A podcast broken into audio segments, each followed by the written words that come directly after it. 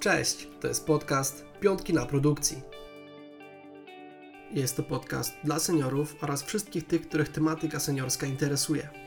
Rozmawiamy tu o tematach istotnych z perspektywy doświadczonych programistów. Raczej miękko, nie technicznie. Jeśli chcesz stać się bardziej świadomym programistą, to ten podcast jest dla Ciebie. Piątki na produkcji to spotkania na żywo w formie meetupu.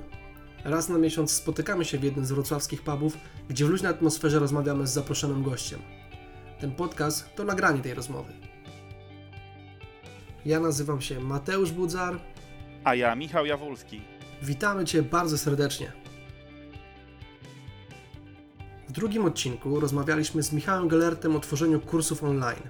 Dowiedzieliśmy się, jakiego sprzętu potrzebujemy, jakich programów, czy są one płatne, jak wyglądają same nagrania, czy łapie trema przed kamerą oraz na czym polega montaż i czy potrafi być czasochłonny. Co nieco porozmawialiśmy też o platformie Udemy, a na samym końcu oczywiście o pieniądzach. Miłego słuchania.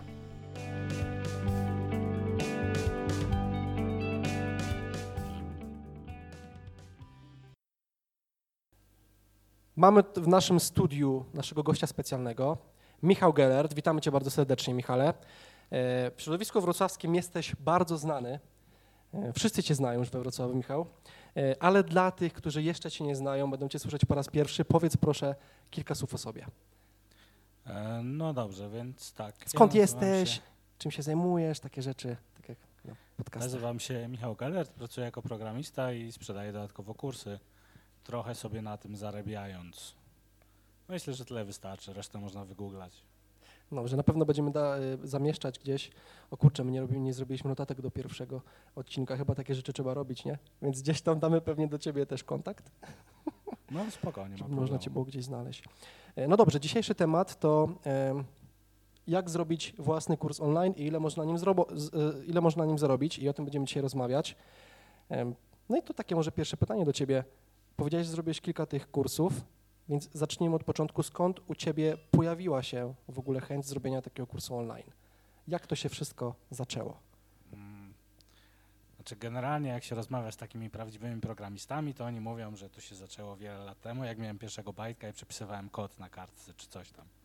To u mnie się zaczęło podobnie. E, w sensie jak byłem młodszy, to zawsze chciałem pracować jako nauczyciel.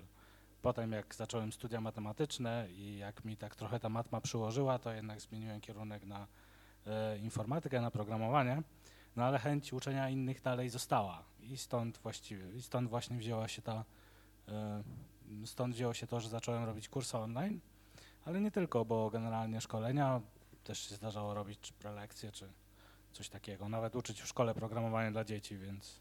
Czy chciałeś, się, chciałeś podzielić się swoją wiedzą po prostu? Tak, dokładnie, jakaś taka wewnętrzna potrzeba. E, Gallup mnie identyfikuje na drugim miejscu jako learnera, chociaż to bardziej powinien być chyba teacher. No nieważne. Generalnie chodzi o to, że mam taką wewnętrzną chęć dzielenia się wiedzą. Galop, wspomniałeś galop? Ja osobiście nie wiem, czym to jest. Galop, test, test Galup. Galupa, test osobowości, tam jest chyba 5 czy 7 rodzajów osobowości. Wypełniasz kilkanaście pytań i, i on ci tam określa, kim jesteś. Tak, dokładnie. No, świetnie. E, no dobra, no to powiedzmy, że taka myśl pojawiła się w mojej głowie, a się pojawiła. Ja też chcę zacząć robić kursy online.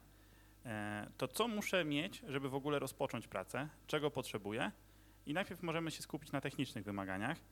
Czy potrzebuję mikrofonu? Jeśli tak, to jakiego? Czy wystarczy ten z laptopa, czy wystarczy ten z telefonu? Jak to wygląda u Ciebie? E, generalnie pierwsze swoje trzy kursy zrobiłem na mm, wbudowanym mikrofonie, który był wbudowany w słuchawki. Słuchawki Microsoft LX 3000, których nienawidzę do tej pory bo łapały wszystko poza dźwiękiem mojego głosu. Więc efekt był taki, że y, nagrywałem jakiś tam fragment, powiedzmy 20 minut odcinek mojego kursu, a potem siadałem i czyściłem to w edycji i szukałem na YouTubie informacji, jak poprawiać dźwięk i tak dalej, i tak dalej, żeby to polepszać. No i finalny efekt w związku z tym był słaby, więc generalnie jeśli chodzi o kursy, to w mojej opinii mikrofon jest, jest bardzo ważny. Dobra, a co z kamerą? Czy w Twoich kursach widoczna jest Twoja twarz tam w prawym dolnym rogu, czy, czy cały czas jest widoczny tylko kod i to, o czym opowiadasz? Jeśli jest widoczna Twoja twarz, to jaką masz kamerę? Czy korzystasz, czy korzystasz z tej z laptopa, czy masz jakąś, nie wiem, z telefonu, czy jeszcze jakąś inną specjalną? E, Więc tak, jeśli chodzi o mnie, to w większości moich kursów jest widoczna twarz, która była nagrywana kamerką w laptopie. No z racji tego, że ta twarz jest tam bardzo małego rozmiaru, gdzieś tam w rogu, więc tutaj choćbym nawet nagrał 4K, to i tak to potem będę musiał skompresować do tego 240 na ileś tam pikseli. Więc no to nie ma według mnie aż tak dużego znaczenia. E, Ale jeżeli w tym momencie wydajemy kursy, to warto się też zastanowić nad tym, jak prowadzimy swój kurs, żeby w jakiś sposób go urozmaicać. W sensie, żeby to na przykład nie był cały czas tylko jeden kadr z tym kodem, tylko że dobrze żeby było, żeby zrobić na przykład jakąś przebitkę na całego siebie, gdzie tłumaczymy jakieś zagadnienie na przykład na tablicy. Ale w takiej sytuacji spokojnie nam wystarczy telefon do nagrywania Czy, tego. czyli takim materiałem do nauki nie tylko byłby ekran, e, czy tam twoje IDE, tylko też jakaś tablica, tak? Czyli taką tablicę razem z tobą, który coś na tej tablicy tłumaczy. Nie wiem, czy dobrze zrozumiałem, tak? Również warto nagrywać. Tak, e, zgadza się, no bo generalnie jeżeli sprzedajemy komuś kurs, no to zależy nam na tym, żeby on się w niego zaangażował. Jeżeli będzie przez bite tam powiedzmy 8 godzin oglądał tylko cały czas jeden kadr, jak coś robimy do tego powiedzmy jakimś monotonnym głosem, no to on się nie zaangażuje. Prawdopodobnie tego kursu w ogóle nie skończy. A jeżeli dorzucimy mu jakieś ekstra rzeczy po drodze, jak nie wiem, zadania, czy coś, co go zaangażuje, czy właśnie te, te przebitki, gdzie tłumaczymy jakieś rzeczy, dajmy na to na tablicy, czy mamy jakąś prezentację, albo cokolwiek takiego, no to to jest zawsze coś, co ten kurs nam urozmaica, no i automatycznie nam podnosi zaangażowanie. Tak mi przyszło do głowy, że tak po- podnieść, moglibyśmy spróbować podnieść zaangażowany przez na przykład tłumaczenie czegoś i żonglując piłeczkami w tym samym czasie. Tak, to na pewno by się wszyscy skupili na, na Mówiąc tym, jak jakiś żart. Przerwa na żart. Nie wiem, nie wiem, czy kojarzycie HTML Babies, taką stronę, gdzie Nie. takie panie w bikini prowadziły kursy z O, programowania. o, o, to, to, to, to. Musimy się nauczyć programować. Chyba będziesz musiał się przebrać e, w swoim podcaście. Spróbuję. Boże, w swoim kursie. A na podcaście też. No dobra, a jak wygląda kwestia środowiska pracy? Czyli czy ty, no, czy ty to nagrywałeś w domu gdzieś u siebie, czy wynajmowałeś studio? Jeśli nagrywałeś w domu, to czy miałeś jakieś profesjonalne wygłuszenie, oświetlenie, tego typu rzeczy? Em, nie, to znaczy nagrywałem wszystko w domu generalnie, e, ale nie, ma, nie miałem żadnego profesjonalnego ani e, wygłuszenia, ani oświetlenia, ani niczego z tych rzeczy. Po prostu starałem się, żeby było cicho, czyli na przykład nagrywałem w godzinach od 23 do 3 nad ranem, kiedy córka spała i sąsiedzi nie wiercili, ale to, no to niestety, no, jeżeli nie chcemy inwestować na początku, a na początku najlepiej nic nie inwestować, no bo nie wiemy, czy nam się to zwróci po prostu, to najlepiej Mhm. stosować takie podejście. I zadziałało to, tak? No tak, zadziałało. Kursy są zrozumiałe. Może nie jest idealnie, ale teraz wiem, że już każdy następny będzie lepszy. Zdecydowanie. E, a czy konsultowałeś swoje nagrania przed ich wypuszczeniem z innymi osobami? Na przykład, czy sprawdzałeś, weryfikowałeś, jak dobrze brzmisz? E, z, kim, z kim w ogóle, jakie kwestie poruszałeś z innymi osobami przed wypuszczeniem tego kursu online? Ym, To znaczy powiem tak, że osobiście niczego nie konsultowałem. Znaczy wypuściłem kurs i potem dostawałem jakiś feedback powiedzmy od osób, które ten kurs kupowały. I dlatego też dobrym podejściem jest na przykład nie wypuszczanie całości kursu od razu, tylko tak jak się teraz robi, dodawanie kolejnych elementów co tydzień. I wtedy, jeżeli coś zepsuliśmy w którymś tam nagraniu, to dostajemy od razu informację zwrotną od, od uczestników, że to jest na przykład e, że to słabo słychać, albo to słabo wygląda, albo cokolwiek. Możemy to od razu wdrożyć, no i następny, następną część naszego kursu już wypuścić w lepszej jakości. A jak sprzedajemy kolejną edycję, no to to, co nam się zepsuło, no to już wtedy mamy, mamy czas, żeby to poprawić i powiedzmy podmienić w naszym kursie. Mhm. No dobra, to jesteśmy technicznie przygotowani. E, powin- Mamy sprzęt. mamy sprzęt i mamy warunki. Mamy kamerę, mikrofon i całą resztę. Tak. E, więc teraz w kontekście jakiegoś software'u, ja- jakich programów potrzebujemy, żeby stworzyć taki kurs? Jakich programów korzystałeś do nagrywania, do montowania? I czy są drogie?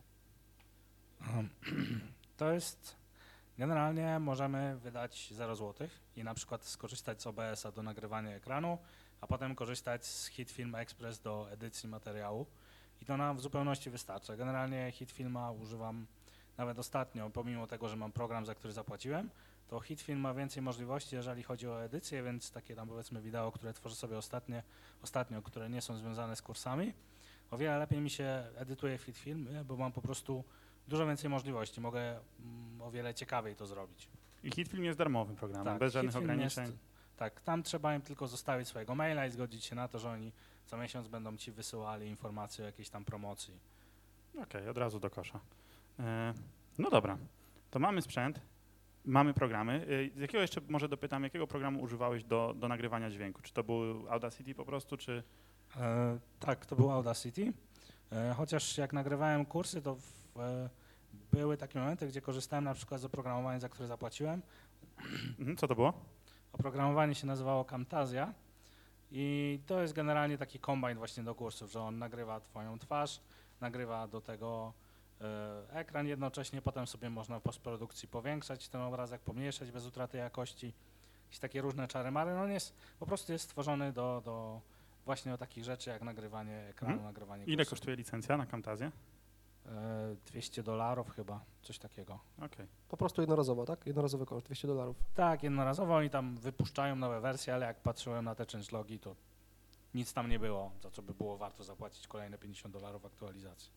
No dobra, mamy sprzęt, mamy programy. Y, Wspominałeś o tym, że nie trzeba całego kursu e, nagrywać od razu naraz, więc jak właśnie sobie taką pracę, e, to, wszy- te wszystkie nagrania zaplanować? Czy musimy mieć na przykład, pomimo tego, że nie nagramy ten kurs w jednej części, to czy i tak musimy go już zaplanować, wszystkie nasze lekcje, moduły, czy jakkolwiek się to nazywa, możesz na, nawet tę, e, tę terminologię jakoś przybliżyć. E, Jak do tego podejść? Do takiego, jak podejść do planowania? Mm, Znaczy, generalnie najlepiej, najlepiej zacząć od klienta, czyli mieć kogoś, kto ci już zapłacił, bo wtedy wiesz dokładnie, co on od ciebie oczekuje, no bo ci to po prostu powiedział. A jeżeli chcesz układać kurs jakiś sam, no to wtedy nie wiesz, czy ten genialny plan, który ułożysz sobie w głowie, to czy będzie to akurat to, e, za co klienci chcieliby zapłacić. Mhm. Jak to było w twoim przypadku? Kto był twoim pierwszym klientem? E, moim pierwszym klientem e, była firma, ale teraz mi wyleciała z głowy nazwa tej firmy, ale ta firma i tak już upadła. Generalnie w tym momencie jest kanał Samuraj Programowania na YouTubie, ale w, teraz mi wyleciało z głowy nazwisko autora, który tam się udziela. I on właśnie był właścicielem firmy, która e, miała za zadanie dostarczać za darmo edukację. I to on tak naprawdę kupił ode mnie pierwszy kurs. To znaczy, znalazłem w internecie jakieś ogłoszenie, że, e, że mamy platformę, że szukamy osób, które nam kupią kurs, które dla nas e, zrobią kurs. No i e, skontaktowałem się z nim, pogadaliśmy chwilę, powiem, mówię, że mogę przygotować kurs programowania w Java, bo już wtedy e, już prawie byłem programistą, to znaczy pierwszą pracę zacząłem trzy miesiące po tym, jak wypuściłem swój pierwszy kurs. Jako programista. Tak, dokładnie. Sprytne. Także, także no, e, no właśnie. I tak zacząłem. Ten pierwszy kurs sprzedałem wtedy za 1000 zł. A jeżeli w tym momencie byś wpisał kurs Java na YouTubie, to właśnie na samej górze wyskoczy Samurai Programowanie z kursem, który wtedy sprzedałem.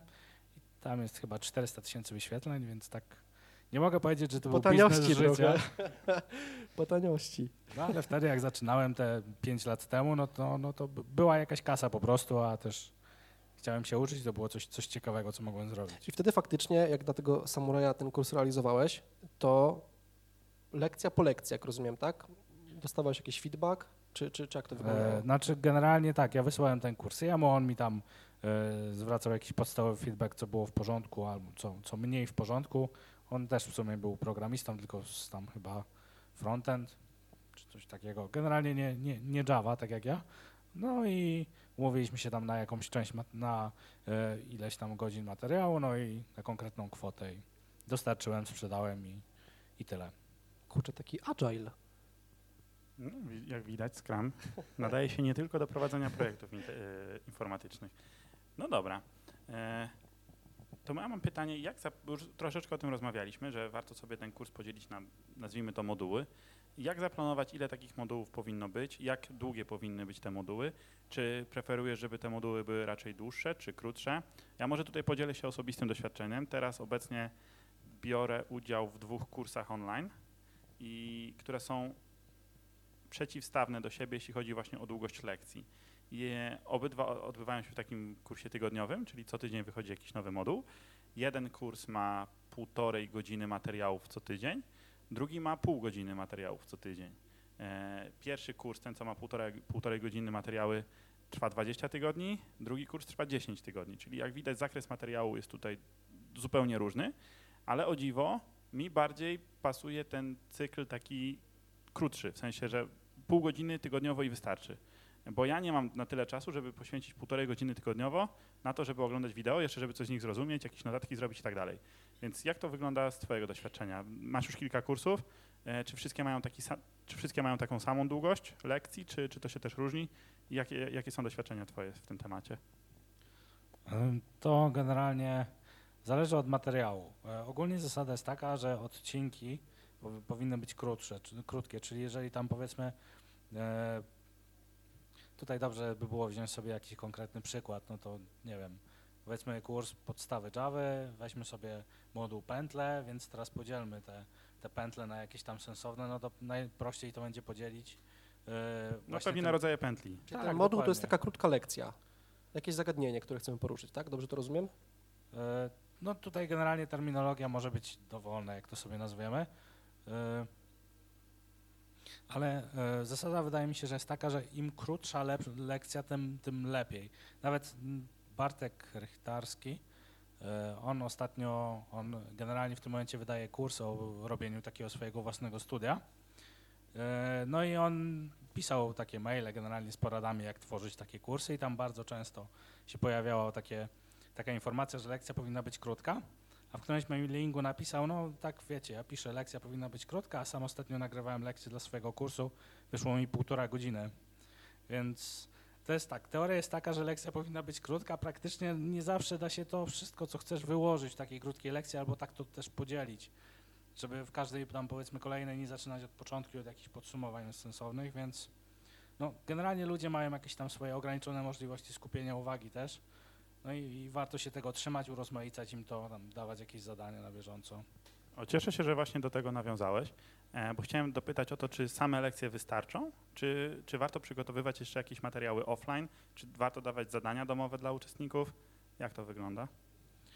E, To generalnie zależy, mm, co chcemy z tymi użytkownikami osiągnąć. W sensie, jeżeli nam powiedzmy zależy tylko na tym, że to jest tam jednorazowa sprzedaż kursu, pójdzie, a potem już w ogóle o tym zapomnę, no to okej. Ale jeżeli chcemy zbudować jakąś relację, no to wtedy dobrze jest tym ludziom, którzy nam zapłacą, pomóc osiągnąć to, co im obiecywaliśmy w tym kursie. Czyli jeżeli to jest kurs programowania w Javie, no to mówimy, że na samym końcu będziesz w stanie e, pisać jakieś tam aplikacje konsolowe czy, czy coś takiego.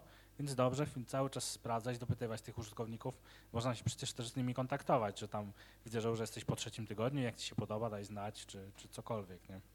Też Mhm. dobrze z drugiej strony nie zawsze warto przesadzać, no bo ktoś komuś może po prostu się nie, spodobać, ktoś może mieć jakieś inne rzeczy do roboty i bycie takim nachalnym może się odbić czka, czkawką w drugą stronę, nie? że ktoś po prostu y, odsubskrybuje i nie będzie chciał z nami gadać o niczym.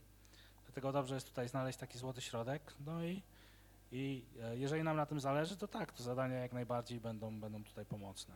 Ja chciałbym dopytać o te materiały offline.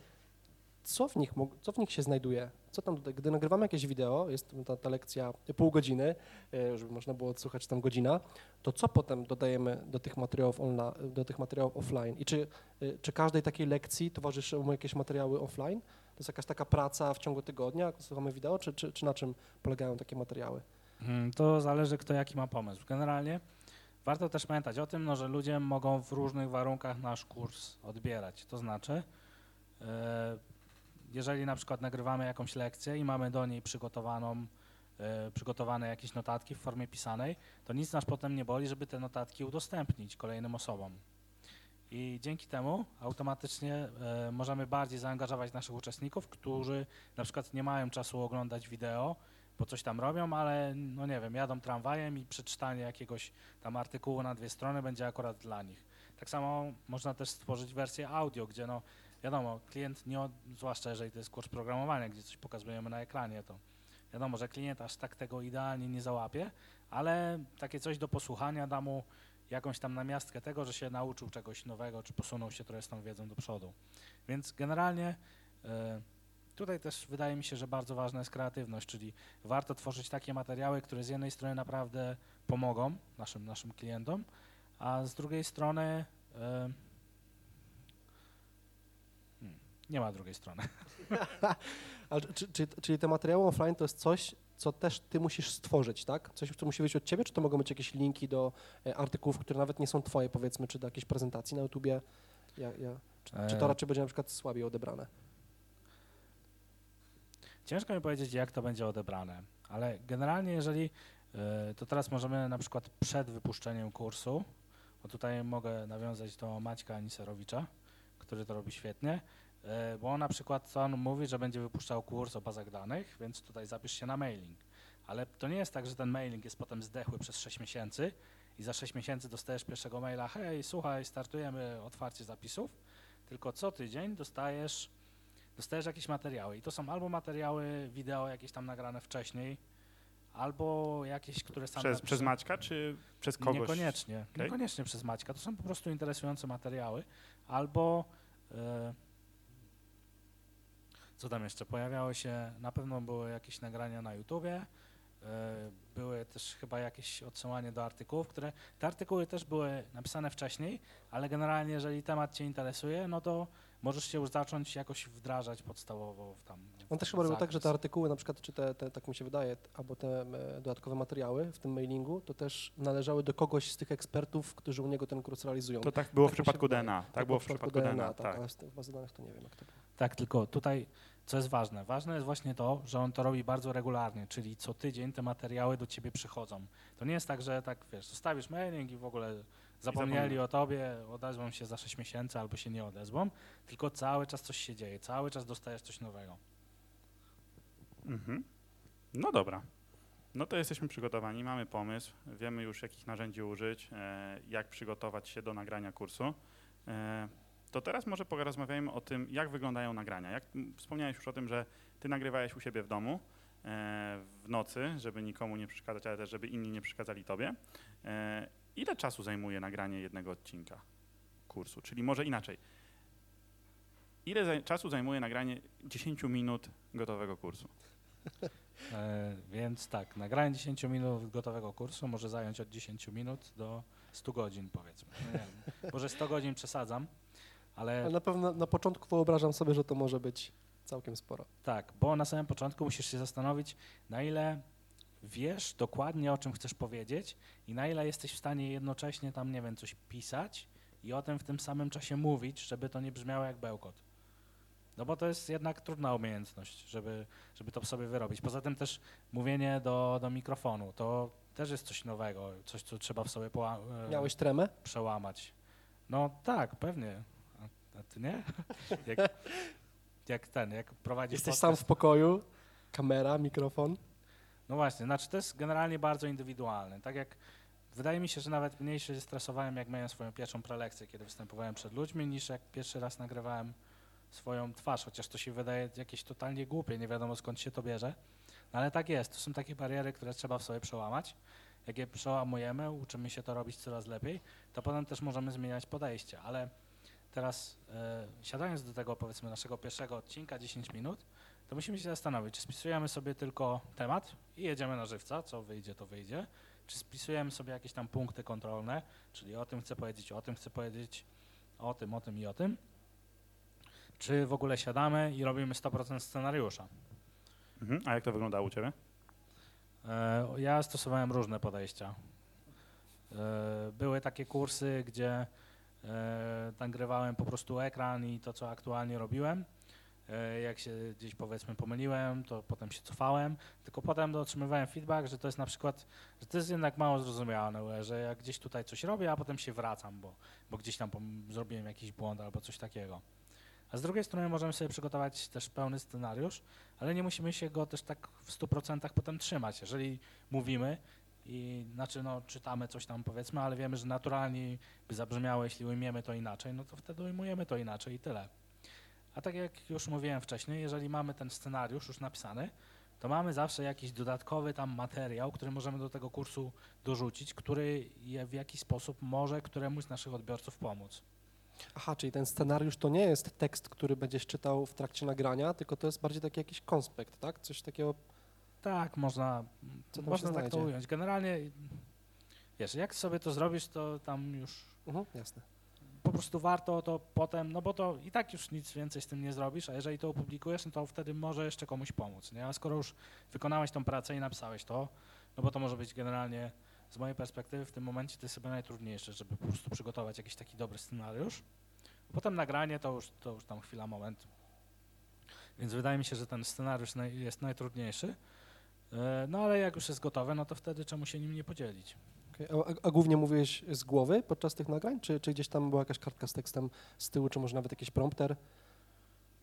E, Podczas nagrywania zależy, w większości chyba miałem takie z głowy albo e, z głowy, albo miałem gdzieś powypisywane najważniejsze punkty, o których chcę powiedzieć. Okej. Ale nie zawsze, no scenariusz też jest, też jest spoko. A masz jakieś wskazówki dla początkujących osób, które się dopiero zajmują nagrywaniem kursów, startują dopiero z tym, właśnie jak sobie ułatwić pewne rzeczy, jak ułatwić sobie poradzenie z tremą, jak ułatwić sobie tworzenie takiego konspektu? Mm, No, generalnie trzeba zacząć i cały czas to robić. Nie wiem, tutaj nic mądrzejszego raczej nie wymyślę, no bo to nie ma jakichś super, super sposobów. No, trzeba się przemóc, no, robić to no i zyskiwać potem doświadczenie. Które- nagrywać aż do skutku, aż się spodoba. Tak, dokładnie. I też tutaj mam taką anegdotę, którą lubię opowiadać, jak mówię o tą prezentację o serniku, że kupiłem sobie oprogramowanie, tą właśnie Camtasia i jak już mówiłem wcześniej, ona ma taki super feature, że możesz sobie powiększać kawałek ekranu jak, i bezstratnie powiększać, jak coś nagrałeś. Więc nagrywałem te 10 minut swojego tam materiału kursu, a potem siadałem i przybliżałem ten kod i oddalałem, przybliżałem i oddalałem i potem siedziałem dwie godziny i montowałem to. A w kolejnym kursie wpadłem na pomysł, że jak sobie powiększę czcionkę w edytorze po prostu, to nie będę tego potem musiał montować przez dwie godziny i tracić tego czasu, więc to jest taka... Sprytne. Czyli da się tak nagrać, żeby montowanie poszło łatwiej i sprawniej. E, no tak, tak, zdecydowanie. Okej. e, A czy po nagraniach robiłeś jakieś backupy tych nagrań? Jeśli tak, to gdzie? E, na OneDrive to jest akurat prosta. Po Znaczy, prostu jakaś chmura. o... Okej. Tak, tam Tak. płacę 20 zł chyba za terabajt i to jeszcze nie zawaliłem tego, więc... Jasne. No dobra, to mamy wszystko nagrane. Setki gigabajtów, dziesiątki plików. Jak wygląda montaż? Jak to wszystko posklejać w całość? Em, No to generalnie e, możemy sobie zacząć, zależy jaki mamy pomysł na kurs, bo są na przykład tacy, którzy e, wszystkie odcinki rozpoczynają jakimś tam swoim logo. E, skoro mamy logo, no to później do tego domontowujemy resztę i, i tyle. Nie, nie wiem, co więcej tutaj mogę powiedzieć na temat montażu. No na przykład to, czy wymaga to jakiejś specjalistycznej wiedzy. Na przykład gdybyśmy chcieli polepszyć dźwięk albo obraz. Mm, nie. To znaczy, jeżeli chodzi o montaż obrazu, e, no to można sobie obejrzeć jakiś tutorial na YouTubie. Jest taki gość, który się nazywa Janusz, Janusz Filmu i on ma coś takiego jak rapowane tutoriale i ma na przykład hit film tutorial w 6 minut. I to jest najlepszy tutorial, jaki w życiu widziałem. A do tego rapowany. Więc e, generalnie trzeba szukać takiej informacji na bieżąco. Jeżeli nie wiadomo, no tak jak z programowaniem, jeżeli nie wiesz jak coś zrobić, no to szukasz, czytasz się dokształcasz. Tak samo jest z dźwiękiem. Jeżeli chcemy poprawić jakość dźwięku, no to YouTube, jak poprawić jakość dźwięku i tam stosujemy się do wskazówek. Czy, czyli nie było to szczególnie trudne, pod, gdy na przykład używałeś tych programów, o których wspomniałeś na początku i używałeś ich po raz pierwszy, to w miarę łatwo przyszło ci e, dowiedzieć się, e, jak, te dźwięk, jak ten dźwięk pozmieniać, jak porobić jakieś tam fikumiku z obrazem, e, o którym tam wspominałeś. Tak, dokładnie. Nawet jak się uruchamia Camtasię po raz pierwszy, to tam się wczytuje taki projekt, który jest jednocześnie tutorialem i on się zaczyna odtwarzać i tam sobie patrzysz na dole na tym timeline, jak tam przeskakują te, te, te klocuszki, no i patrzysz, co się dzieje na ekranie i tam jest wszystko jednocześnie tłumaczone. Więc to jest takie dwuminutowe i to w sumie wystarcza. No to świetnie, dobrze to wiedzieć, że to nie jest takie trudne. Dokładnie tak. Okej, e, a kiedy stwierdzałeś, że dana część jest już gotowa? Czy miałeś jakiegoś recenzenta, czy nie wiem, pokazywałeś to komuś, czy po prostu sam stwierdzałeś, że okej, wystarczy, lepiej nie będzie? E, Sam stwierdzałem, że wystarczy i że lepiej, lepiej nie będzie i tyle. Deadline się zbliża, więc Mm, Najlepiej samemu. Podoba mi się. A na przykład jak, już, sobie- jak sobie tak edytowałeś te pliki, e, ten montaż, tu coś pomontowałeś, kolejnego dnia siadałeś, coś tam pozmieniałeś, kolejnego dnia siadałeś, coś tam pozmieniałeś, e, to jakoś to wersjonowałeś? Czy, czy to było tak, że kolejny plik się tworzył e, z numerkiem 1, potem kolejny o tej samej nazwie z numerkiem 2? Czy może jakiś git wleciał? Final, Final 2. Nie, raczej Final, Final 2.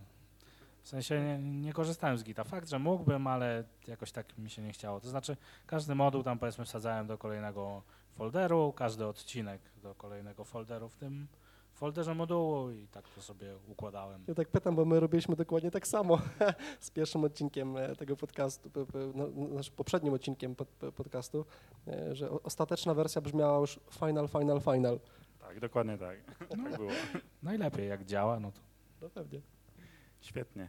E, no dobra, no to mamy już kurs nagrany, zmontowany, jesteśmy zadowoleni i chcemy publikować. E, wspomniałeś, że pierwszy twój kurs wylądował na YouTubie. Wiemy też, że twoje kursy są na Udemy, e, więc właśnie z twojego doświadczenia, gdzie najlepiej takie kursy publikować i jakie są wady, zalety tych rozwiązań? No to jest generalnie, to jest ciut dłuższy temat. Mamy czas. Tak, bo to jest tak. Jeżeli mamy jakichś klientów, jakichś już odbiorców, którzy nam wprost powiedzieli, czego chcą, no to wtedy możemy sobie śmiało chyba skorzystać z własnej platformy, sami sobie ustalić cenę, zrobić jakieś tam to okienko sprzedażowe, e, no i bezpośrednio do tych ludzi uderzyć i wtedy no, możemy zarobić o wiele więcej niż jeżeli, jeżeli opublikujemy ten kurs na, e, na Udemy, no bo tam nie mamy takich możliwości manipulacji ceną, czy w ogóle kontaktowania się nawet z tymi odbiorcami. Tam możemy do nich wysłać jakieś wiadomości, ale tylko korzystając z platformy Udemy. No i tam wysyłając zaznaczamy taki checkbox, że tam w tej wiadomości nie nam- nie namawiamy nikogo do dołączenia do jakichś list mailowych albo takich rzeczy. Ale mm, no, to, to jest ten, to jest powiedzmy między swoją ścieżką a Udemy. Są też jeszcze oczywiście inne platformy, bo chociażby polski Videopoint, czy, czy, czy różne... Pluralsight na przykład, tak, z zagranicznych, oprócz E, Udemy. Tak, tylko wydaje mi się, że na Plural Site'a to Plural Site musi się skontaktować z Tobą, jeśli uznaje Cię za eksperta. I Mhm. dopiero wtedy. A na Udemy, jeżeli sam się uznajesz za eksperta, to generalnie wystarczy. I Mhm. rynek Cię zweryfikuje. Jeżeli jest OK, no to będą kupować. Jeżeli nie jest OK, no to nie będą kupować. Tyle. No okej, czyli, czyli masz jakieś kursy na Udemy. To Tak. zdradź może nam, jak, jak generalnie to tam wygląda. Jak, jak wygląda proces publikacji takiego kursu na Udemy? Czyli No, i, I potem już też jak opublikujesz, to tak, co się dzieje później, nie? tak. No, to jest generalnie, to działa w ten sposób, że tam powiedzmy zakładam sobie jakiś materiał, więc w Udemy tam jest wszystko klikalne, więc tam wyklikuję sobie jak ma wyglądać moje menu, czyli że ma tam być taki moduł, tak jak już mówiliśmy z tym przykładem z Java, że ma być moduł pętle, module pętle ma być z jakiś tam submoduł, czy tam odcinek e, pętla for, no i do tej, do, w tym E, W tym miejscu dodaję sobie to moje wideo, jakieś tam materiały dodatkowe, jeśli mam jakiś opis odcinka i tego typu historie. E, Jak już powiedzmy tam załaduję sobie te wszystkie elementy, które mnie interesowały, no to wtedy mogę kliknąć w moim kursie opublikuj i on wtedy się staje dostępny do, e, dla wszystkich. A czy ktoś to przegląda najpierw i jakby akceptuje zawartość tego materiału? Mm, akceptuję nie do końca. Znaczy Udemy swego czasu miało dużo problemów chyba z pozwami, bo były osoby, które na przykład kupowały kurs, potem e, kropowały sobie, w sensie pobierały ten kurs na swój dysk, kropowały wideo i wrzucały ten sam kurs na u- Udemy jako one. W sensie, że tak no po prostu kradły zawartość i publikowały na Udemy. No ale z tego co kojarzę, to Udemy dostały jakieś pozwy i w tym momencie, jak publikujesz jakiś kurs, to musisz nagrać wideo ze swoją twarzą, że tam ja jestem właścicielem tego kursu, mam do niego pełne prawa, nie wykorzystałem żadnych fragmentów, coś tam, coś tam. E, I takie wideo wysyłamy do Udemy i oni porównują powiedzmy to wideo z tym, z twarzą, którą tam mamy na odcinkach nagraną i na tej podstawie weryfikują, że po prostu to ty jesteś autorem tego kursu. Ale nikt merytorycznie tego kursu nie weryfikuje, czyli Nie. możesz nagrać odcinek, nie wiem, pętle for i gadać totalne głupoty i będzie ok. Tak. Najwyżej nikt tego nie kupi. Więc spokojnie można założyć bikini i żonglować podczas nagrania. Tak, Mateusz, Świetnie, to dobrze to, jest twój wiedzieć. pomysł na kurs. Dobrze to wiedzieć. A propos y, y, Udemy, to jest taka platforma międzynarodowa, przynajmniej tak mi się kojarzy. W jakim języku nagrywałeś tam te swoje kursy? E, wszystkie kursy do tej pory nagrywałem po polsku. I te takie, to, to, to takie wideo, o którym wspomniałeś, ja jestem właścicielem kursu, też musiałem Nie, to, po to było po angielsku, w sensie, no bo to sprawdzał ktoś z, Jasne. zagrabanicy, więc to tam musiałem. Okej, o pieniądzach pewnie jeszcze porozmawiamy, tak po prostu mnie to ciekawiło, w jakim języku to tam Jasne. wrzucałeś. Ale to mnie za, za, zaciekawiłeś. Myślałem, że Udemy ma jakiegoś merytorycznego, nie wiem, eksperta, który to zweryfikuje i stwierdzi, czy to jest ok, czy nie.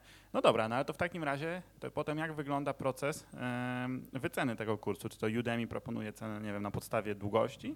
Czy to ty jako autor proponujesz cenę? Jak to wygląda? E, Ja mam generalnie tam taki suwak, gdzie sobie mogę przesuwać cenę od 60 zł do 600 zł, ale to nie ma znaczenia, bo Udemy i tak ustawi cenę na 30. Znaczy, generalnie działa to w ten sposób, że jak publikujemy kurs, to tam mamy takie różne checkboxy, które możemy sobie pozaznaczyć. Jeden checkbox mówi, pozwala Udemy na swobodne operowanie ceną i na robienie promocji mojemu kursowi i na e, tworzenie linków afiliacyjnych i na tam całe pozostałe działania marketingowe Udemy. No ale wtedy e, Udemy nam zbija cenę naszego kursu do 30 zł, do 40 zł. Generalnie zależy, kto wchodzi na stronę. Bo to jest tak jak z tymi liniami lotniczymi, że jak często sprawdzamy cenę jakichś biletów, no to potem nam ta cena biletów rośnie.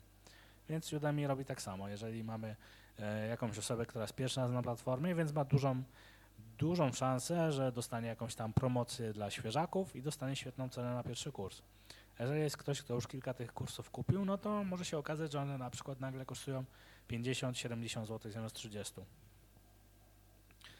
Yy, więc tak, po, możemy oczywiście tego checkboxa nie zaznaczać, w sensie powiedzieć, ja nie wyrażam w ogóle żadnej zgody na, na to, żeby Udemy e, zmieniało moją cenę, ale w takiej sytuacji, no to jak jest powiedzmy tam pierwsza strona wyszukiwania i jest 9 kursów po 30 zł i jeden kurs za 600, No tak, to, To wiadomo, jak to szanse, się skończy. szanse maleją. Tak, generalnie mm, jeżeli mamy już jakichś odbiorców, to wtedy też Udemy może być spoko opcją, bo możemy, e, możemy po prostu sobie tam za darmo nasz kurs hostować i, i tyle. Udemy nie pobiera żadnych opłat za hostowanie kursu, więc to też jest fajna, to też jest fajna opcja. Czyli z tych, y, jeżeli masz kurs za 30 zł, ktoś go kupi, 30 zł idzie do ciebie? Nie. Ale to, to, to zaraz wyjaśnię. Tylko jeszcze z tym Okej. hostowaniem. E, Chodzi mi o to, że tak musimy sobie tworzyć jakąś tam własną platformę, czy tam kupować jakieś rozszerzenie do WordPressa, które nam to ogarnie, czy publikować, nie wiem, na... Ktoś kiedyś śmiało publikował na playlisty, playlisty na YouTubie, tylko że playlista na YouTubie z, z filmami prywatnymi jest publiczna i można ją wyszukać, więc generalnie powiedzmy, że, że ktoś bardzo chciał mieć kurs na YouTubie, no ale w ten sposób publikując, to ten kurs jest publiczny. I czy ktoś zapłacił, czy nie zapłacił, no to i tak może do niego uzyskać dostęp. A z kolei na Udemy, jeżeli sobie tam powiedzmy opublikujemy nasz kurs, odznaczymy tego checkboxa, że tam Udemy ma e, nie, m, nie operować naszą ceną i e, potworzymy linki dla właśnie osób, które są zainteresowane. Powiedzmy, że publikujemy w maksymalnej cenie 600 zł. Mamy jakąś tam grupę na mailu osób zainteresowanych, którym możemy wysłać zniżkę do 300 zł. I w takiej sytuacji z tej, z tej zniżki 97% trafia do nas. Jeżeli ktoś e, wyszuka bezpośrednio na Udemy, no na Udemy ma tą cenę 600 zł i się zdecyduje na 600 zł, no to wtedy dzielimy się pół na pół. Czyli 50% trafia dla Udemy, 50% do mnie. A jeżeli e, ktoś, jeżeli zgodzę się na tą reklamę afiliacji, no to wtedy 25% od ceny sprzedaży, jeżeli to były jakieś działania powiedzmy od strony Udemy. Czyli 25% trafia do ciebie. tak, tak. Okej, nie do Udemy. Czyli e, jeżeli tam powiedzmy ten kurs potem zostanie sprzedany za 30 zł, no to 25% z tych 30 zł trafia do mnie. Jeżeli Udemy na przykład robiło wtedy reklamę tego kursu, czy jakoś go promowało, czy coś takiego. A ty możesz weryfikować, czy faktycznie Udemy promowało ten kurs? Czy to jest E. takie, wiesz, że okej, i skoro Udemy mówi, że promowałem twój kurs, no to ja ci ufam i po prostu przyjmuję, co mi dajesz. Generalnie pewnie mógłbym to jakoś zweryfikować, ale nigdy mi się nie chciało. Okej, dobra. I które opcje z reguły wybierałeś, tak z ciekawości? E, Wybierałem tą opcję, gdzie Udemy może robić wszystko. I, I tak się to opłaca, według ciebie.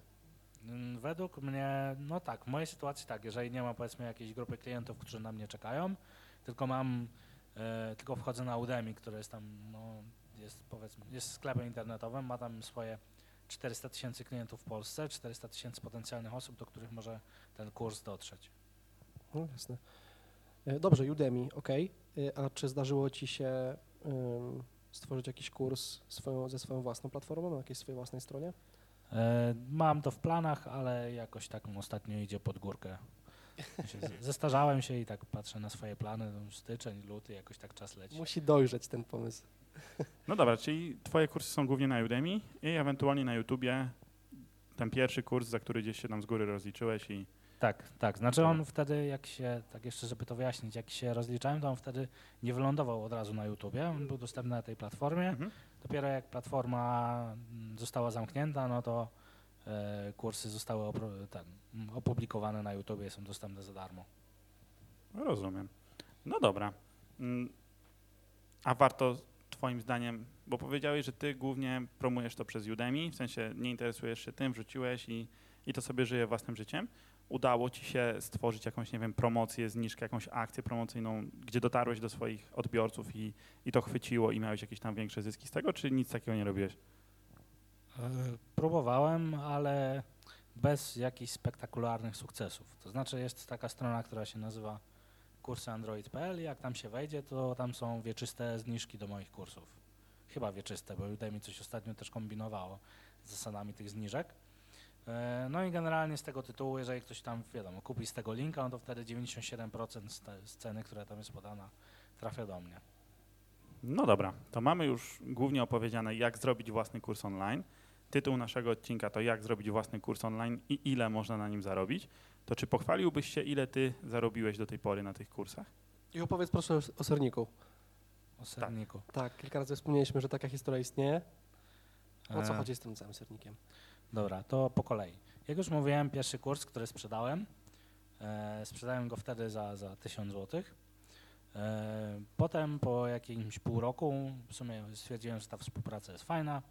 Lepiej mieć 1000 zł, jak nie mieć 1000 zł, więc sprzedałem drugi kurs, e, tym razem z programowania na Androida za 1500 zł. Ten kurs też teraz jest na e, YouTubie, ale nie jest aż tak popularny, tylko 150 tysięcy wyświetleń czy coś. To też nie był Kicha. życia. E, tak, potem miałem chwilę przerwy i właśnie skontaktował e, skontaktowało się ze mną e, Udemy, że oni wchodzą na rynek polski, znaleźli kursy, których jestem autorem na YouTubie. E, no i czy może nie zechciałbym coś tam dla nich nagrać. Przedstawili mi zasady, no mówię, okej, no to dobra, no to nagrywamy w takim razie. No to pierwszy nagrałem znowu kurs z Java, bo to już powiedzmy, że wiedziałem jak się robi. Drugi znowu kurs z Androida. E, trzeci i czwarty kurs to jest Spring i Android zaawansowany. E, no ale one już nie, nie, nie stały się aż tak bardzo popularne. E, I jeżeli chodzi o pieniądze, to e, z Udemy udało mi się wyciągnąć w tym momencie blisko 10 tysięcy dolarów. Łącznie w czyli sumie za wszystkie Łącznie w kursy. sumie. I od tak. kiedy, od kiedy je publikujesz? Od ilu lat? E, One w tym momencie są już dwa albo trzy lata. Po ilu latach się dostaje wyższy ZUS na firmę? Po dwóch. Po dwóch. Po dwóch, to dwa lata. Aha, no to No całkiem niezłe pieniądze. Dokładnie, zwłaszcza, że nagrywasz kurs raz i teraz, że tak powiem, pieniądze z tego kursu pewnie dalej ci wpływają na, na konto. Jak, jak się z Udemy rozliczasz? To jak, jak to wygląda? To jest miesięczne jakieś faktury wystawiasz Udemy, czy, czy tam jest jakiś próg, że nie wiem, minimalnie 100 dolarów możesz wypłacić? Jak to wygląda? E, To wygląda w ten sposób, że e, Udemy po tam każdym miesiącu ci wysyła po takiego Excela z podsumowaniem, jaka osoba kupiła i za jaką stawkę, no bo wiadomo, te stawki są różne. E, Ja wystawiam fakturę z czasem płatności półtora miesiąca. Półtora miesiąca, ponieważ na Udemy masz prawo do zwrotu przez 30 dni. Czyli żeby się tam nie okazało, że na przykład ileś tam osób kupiło, Udemy zapłaciła, potem trzeba jakąś kasę zwrócić, to po prostu przelewają tą kasę po półtora miesiąca. E, I to generalnie działa przez PayPal, czyli oni przesyłają na PayPal, a ja sobie potem przelewam to na swoje Jasne. konto. A trzeba mieć firmę, żeby działać na Udemy, czy możesz to robić jako osoba prywatna? E, Szczegółów nie znam, ale podobno można to robić jako osoba prywatna. Okej. Okej, e, no dobra, ja jeszcze dziś ostatnio widziałem na Twitterze parę osób, które też mają kursy na Udemy. Teraz jest gorący okres e, rozliczania podatków. Jak wygląda sprawa opodatkowania? Tak, właśnie, bo a propos opodatkowania, to ostatnio, dobrze, że mi przypomniałeś, bo Udemy do mnie pisze maile, ale je ignoruję.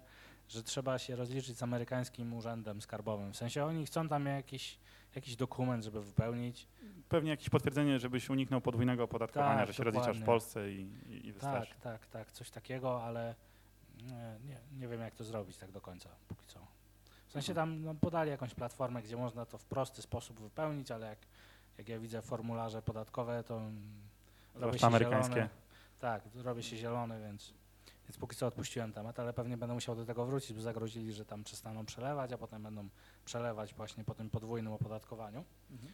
E, ale generalnie od strony polskiej nie mam to załatwione w ten sposób, że z racji tego, że e, ja sprzedaję swoje kursy do, e, właściwie to się chyba nazywa wynajmowaniem prawa do kursu, czy coś takiego, to ja wystawiam raz w miesiącu fakturę do Udemy właśnie za taką kwotę, jaką tam zarobiłem, no i po tym półtora miesiąca mam, mam przelew. Okej, dobra. I hajs się zgadza. Z reguły tak. E, dobra, to powoli będziemy zmierzać do podsumowania. Powiedzieliśmy sobie o tym, jak się przygotować do nagrania kursu, jak go zaplanować, jak nagrać i zmontować. E, potem, gdzie go opublikować oraz jak, jak można go wypromować. No i brzmi to jak bardzo wiele pracy dla jednej osoby, więc jakbyś mógł jeszcze raz powiedzieć, ile czasu zajęło Ci stworzenie kursów, może być, nie wiem, tego ostatniego, e, i czy z perspektywy czasu uważasz, że było warto i finanse to rekom- rekompensują? Czekaj, od początku do końca, czyli y, wiem, że pierwszy mikrofon jest słaby, muszę kupić drugi i zaczynam go szukać na Allegro. Mm. To jest początek. Hmm. Znaczy ja to mam tak nawet ładniej chyba podsum- Ostatnio to sobie liczyłem. Wyszło mi 19 dolarów za godzinę pracy. W sensie, bo korzystam z Togla, w Togl sobie te wszystko, co robiłem związane z kursem, czyli tam nagrywanie, montaż i tak dalej. I na tych wszystkich czterech kursach wyszło mi 19 dolarów za godzinę pracy, więc tam szału, szału nie ma powiedzmy. Czyli, No, ale też nie ma tragedii, nie? Z drugiej strony. no tak, czyli e, te 10 tysięcy dolarów podzielone na 19, to ile z tego wychodzi godzin pracy?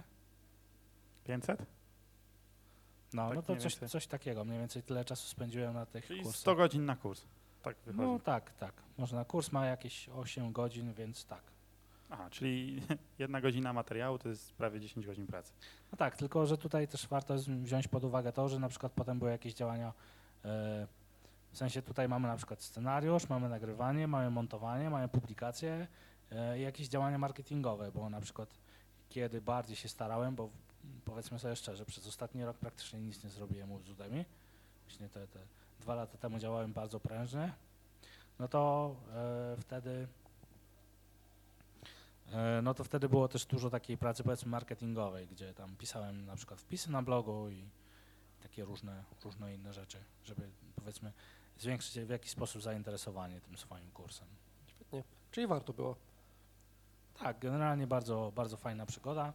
I a propos tego sernika, bo chyba to zignorowałem, to jest właśnie, e, jeżeli chodzi o sernik, to e, chodzi o to, że w ciągu trzech dni udało mi się zarobić 320 dolarów na Udemy e, i to było w okresie świątecznym, dlatego to się tak nazywa, że, że sernik. I chodzi o to, że wtedy akurat Udemy uznało, że moje kursy są wartościowe, więc ono sobie zainwestuje w, w promocję tych kursów i, i, e, i on- one się wtedy pojawiły chyba na, na Facebooku, nie wiem czy na Spiders Webie nie było jakiegoś artykułu o tym kursie. Generalnie jakieś takie, takie działania. E, No, no i z tego tytułu tam, w te, tak jak mówiłem, przez te trzy dni 320 dolarów udało się zarobić. Bardzo ciekawe, bardzo fajnie. Em, No dobra, a masz w planach jakieś kolejne kursy? E, tak, mam w planach, tylko ciężko mi się do tego, do tego zebrać. Z tego, co wspominałeś, to już chciałbyś spróbować jakąś własną platformę, czy dalej Udemy? Tak, tak, teraz chciałbym spróbować własną platformę, ale co z tego wyjdzie, to zobaczymy, bo ostatnio na rynku kursów się robi dużo. Tak. Więc jest? trzeba się śpieszyć. Albo tworzyć jakościowe materiały, które chyba Żonglując. obronią. piłeczkami w bikini. Tak, no właśnie generalnie to są, to są, to są te problemy.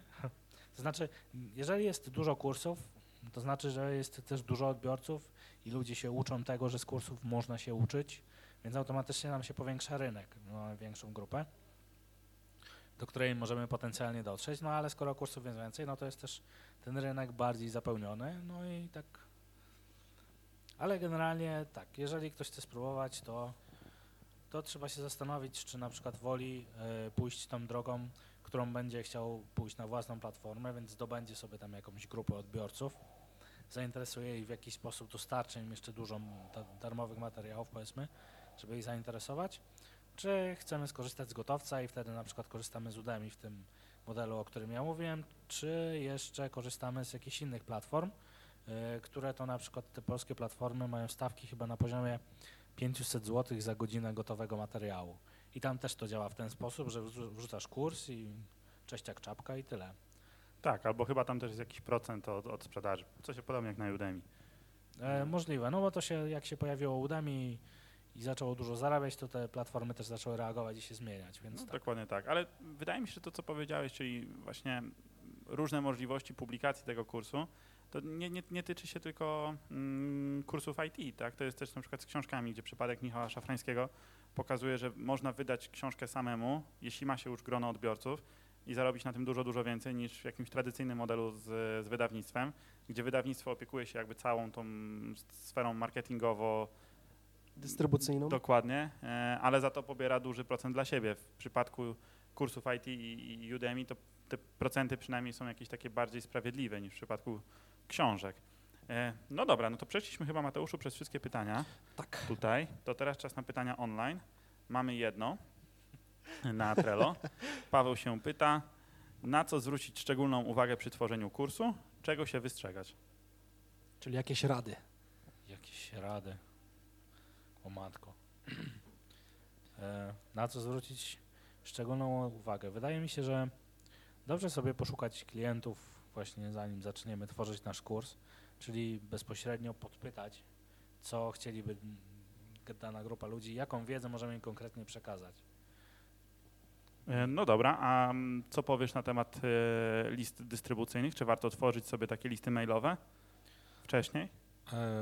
Tak, zdecydowanie, bo jeżeli na przykład e, op- oprzemy się na Facebooku, to w takiej sytuacji Facebook może któregoś dnia powiedzieć, że no fajnie, fajnie, ale ja ucinam zasięgi i na przykład w tym momencie masz tam 300 osób obserwujących, publikujesz coś, no i ten post dociera do trzech osób, no bo tak chciał Facebook. E, I musisz się dopasowywać do algorytmu, tworzyć ten jakiś tam ten lol content, bo to się chyba najbardziej niesie żeby tam, żeby to było klikane i tak dalej. A jeżeli masz listę mailową, no to lista mailowa dociera do 100% ludzi, którzy zostawili swojego maila. Oni tego oczywiście mogą, mogą to przeczytać albo mogą tego nie przeczytać. E, No ale jednak, jeżeli coś się stanie, na przykład i się pokłócisz ze swoim dostawcą maila, zawsze możesz przejść do innego. A Jeżeli się pokłócisz z Facebookiem, zbanują ci konto, no to musisz od nowa zbierać tych samych ludzi w jakichś innych, innych platformach. Poza nie? Facebookiem, tak? Tak. to jest ograniczone. mocno. Pytanie też, kiedy taką listę mailingową budować i w jaki sposób, bo tak wyobrażam sobie, że to wcale nie jest takie łatwe. Kiedy ja jestem na przykład e, takim nieznanym Mateuszem e, i proszę kogoś o zostawienie maila, jest tam taki dopisek, że w razie czego podeślę Ci jakieś informacje o moich e, produktach. Czy ktoś zostawi tego maila? Nie byłbym taki pewny, jeżeli jeszcze mnie nie zna. No właśnie, to jest też, e, no tak, to jest gruby temat i to się generalnie chyba nazywa lead magnetem, czyli e, w zamian za to, że zostawisz maila, no to podeślę ci PDF-a na 16 stron, jak się pisze w Javie, którego pewnie nigdy nie przeczytasz. Więc e, tak, no tak to, tak to, tak to wygląda. E, mogę w sumie powiedzieć o tym, o swoim planie, jaki teraz mam, ambitnym, który zacząłem realizować. Mianowicie ja stworzyłem takie e, konto na YouTubie, które się nazywa Inkubator Programisty. Mam też domenę kupioną pod tym samym adresem i na tym, e,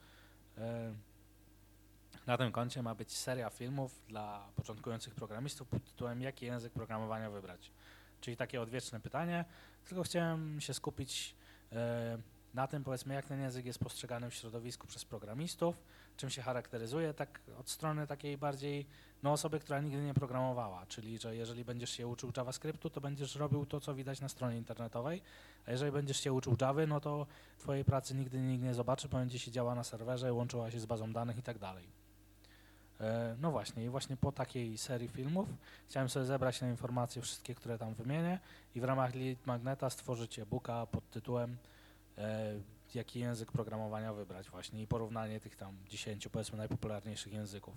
Czyli też Co- się trzeba napracować, prawda? Żeby No tak, ale to wydaje mi się, że to jest właśnie mm, zasada znowu uniwersalna. Jeśli tworzysz jakościowe treści, to znajdą się odbiorcy dla tych treści i, i to zawsze wymaga czasu, e, ale no mówię, tutaj jakby głównym, głównym aspektem jest to, żeby tworzyć jakościowe treści. Jeśli chodzi o budowanie listy dystrybucyjnej, to jest taka osoba, która się nazywa Pat Flynn i to jest, w sumie nie wiem jak go określić, ale, ale znana postać w środowisku osób, które rozwijają swój własny biznes i on ma taki trzydniowy kurs mailingowy właśnie jak zrobić listę dystrybucyjną, zaczynając od zera i że po trzech dniach on ci mówi, że jest duża szansa, że będziesz miał 100, 100 osób.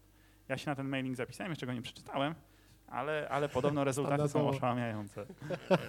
Podobno. Czyli nie zawsze nawet potrzebujesz jakościowych treści, nie? Wystarczy ci zastosować do wskazówek Pataflina. No właśnie, no ale pytanie, co chcesz tym ludziom dostarczyć, nie? W sensie możesz im tam wcisnąć jakiś tam kit, nie? I później wycisnąć z ich kasę.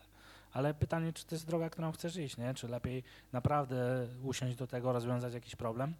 Bo tak jak już mówiłem, ostatnio tych kursów robi się dużo i e, mam taką obserwację, że one są bardzo powtarzalne. W sensie, że nawet te maile, które potem przychodzą, one są z jednego szablonu. No właśnie, ta strategia też jest wszędzie taka sama, czyli nie wiem, przez tydzień otwieramy okienko na zapisy, spamujemy maksymalnie mailami, tak? Dzisiaj już ostatni dzień, cena na pewno będzie rosła, więc Tak, zapisz się dokładnie. teraz. No tak, być może wszyscy czytają książki tego samego autora, nie? Albo może wszyscy postępują tak jak w tej anegdotce, że jest e, wystąpienie, wykład pod tytułem Jak zarobić milion dolarów w 15 minut, gdzie wychodzi prowadzący na scenę i mówi e, Dzień dobry, witam wszystkich na wykładzie Jak zarobić milion w 15 minut. E, Niech mi ktoś powie, ile jest osób na sali. No i ktoś się zgłasza, mówi tysiąc osób. Ile, zapłacili, ile zapłaciliście za bilety? Tysiąc dolarów. Dziękuję bardzo. I schodzi ze sceny. Więc to też jest zawsze jakaś metoda. No tak, i w tym momencie e, ty, jak sam powiedziałeś, zapisałeś się na mailing do Pataflina, czyli on generalnie trafił idealnie w twoje potrzeby, nie? Więc Tak. założę się, że tam w ostatnim mailu było jakieś przekierowanie, że może byś chciał kurs na ten sam temat, za który już możesz oczywiście zapłacić. Ale wtedy twoja lista urośnie do tysiąca osób albo do dwóch tysięcy osób. Nie? No tak, tak. Tego nie wiem, bo nie czytałem tych maili, tak jak Czyli wspomniałem. można zbudować swoją listę mailingową, obiecując, że nauczy się kogoś budować listę mailingową. No ale, ale wiecie co, Niezły nawet, na, nawet on już nie musiał tego robić, bo ja już jestem na jego liście mailingowej, nie? Także on już, on już mnie ma. No, czyli w każdym razie i tak trzeba coś, coś od siebie dać, niekoniecznie za pieniądze, żeby faktycznie w tym środowisku e, chyba nam bardziej ufano i potem to próbować jakoś monetyzować. Tak, i to nawet nie tyle coś od siebie dać, ale starać się, żeby to było w miarę unikalne. No, wydaje mi się, że o to chodzi w marketingu, żeby to jednak, żeby się jednak wyróżnić z tłumu, a nie tworzyć tak samo jak powiedzmy 10 innych, Mhm. innych osób. Ja ten, lubię sobie czytać te, znaczy lubię sobie czytać, lubię się zapisywać na listy mailowe i patrzeć jak tam osoby zachęcają mnie do kupna danego kursu. Czasem nawet niektóre kursy kupuję. E, No i właśnie mam taką obserwację, że przychodzi piątek, wszyscy zamykają okienka sprzedażowe, to tylko czekam aż mi Gmail zacznie te maile razem w jeden segregować, bo mają generalnie taką samą treść. Nie? Tylko się zmienia tytuł kursu. Tak, tytuł kursu i link do zapisów się zmienia. No dobra. Mm, To były wszystkie nasze pytania y, online online. i z kartki. Czy mamy jakieś pytania z sali? Poczekaj, poczekaj, poczekaj, poczekaj. Y, Podejdziesz? tak, ja podejdę do ciebie z mikrofonem, dobrze? Bo ostatnio się troszeczkę naczytaliśmy.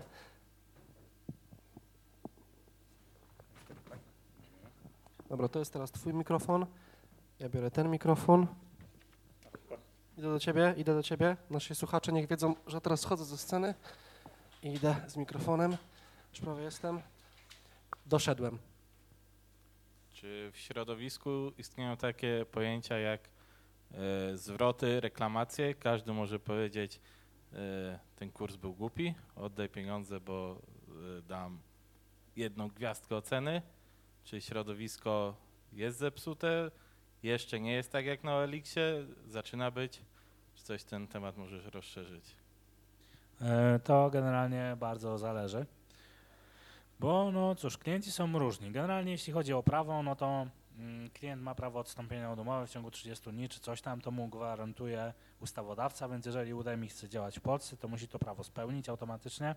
Więc tak, jest coś takiego jak zwroty. E, U mnie tak na 50-60 kupionych kursów e, miesięcznie zdarzają się czasem nie wiem, czy nie przegrałem z ilością sprzedanych kursów miesięcznie. Ale generalnie czasem się kilka zwrotów e, zdarza.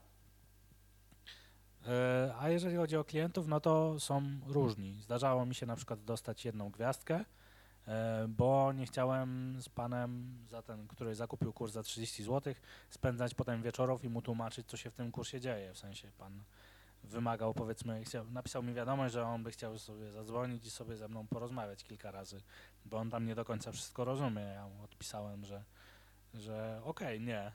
E, No pan wystawił jedną gwiazdkę, więc a niestety no, gwiazdki są wiążące, to znaczy e, Udemy ma tam ten swój algorytm sortowania w tym sklepie, więc im mamy lepszą ocenę, tym jesteśmy wyżej w wynikach wyszukiwania. Więc no, czasem to nas niestety może zaboleć. To też jest plusem, e, jeżeli mamy e, jakąś grupę docelową, do której docieramy, bo jeżeli komuś się e, nie podobają nasze treści, no to możemy po prostu powiedzieć ok, no to pa. W sensie nie musimy w ogóle implementować jakiegoś systemu ratingów albo czego, czegokolwiek takiego. To e, kurs na Udemy mogę zwrócić w 30 dni bez powiedzenia powodu i Tak, tak, naturalnie. Nie ma z tym żadnego problemu. Możesz, wiesz, go kupić, przejść i zwrócić, jeżeli się uwiniesz. To jeszcze chciałem dopytać e, o te gwiazdki. Czy, no bo dostanę, jednego, dostanę jedną gwiazdkę, ok, coś się stało, komuś się coś nie spodobało, a czy ty w jakiś sposób zabiegasz na przykład o oceny pięciogwiazdkowe? E, tak, kiedyś się starałem. e, teraz już, no tak jak mówiłem, ostatnio jestem mniej aktywny na Udemy. E, ale tak, no starałem się, mówiłem wprost. W sensie e, kończyłem na powiedzmy moduły takim stwierdzeniem, że jeżeli kurs Ci się podoba, to zostaw 5 gwiazdek, jeżeli Ci się nie podoba, to napisz mi, co Ci się nie podoba. Więc, ale to generalnie na Androidzie się chyba stosuje taki sam pattern. W sensie, jeżeli masz aplikację, to aplikacja w którymś momencie może Ci walnąć w Ciebie okienkiem z gwiazdkami.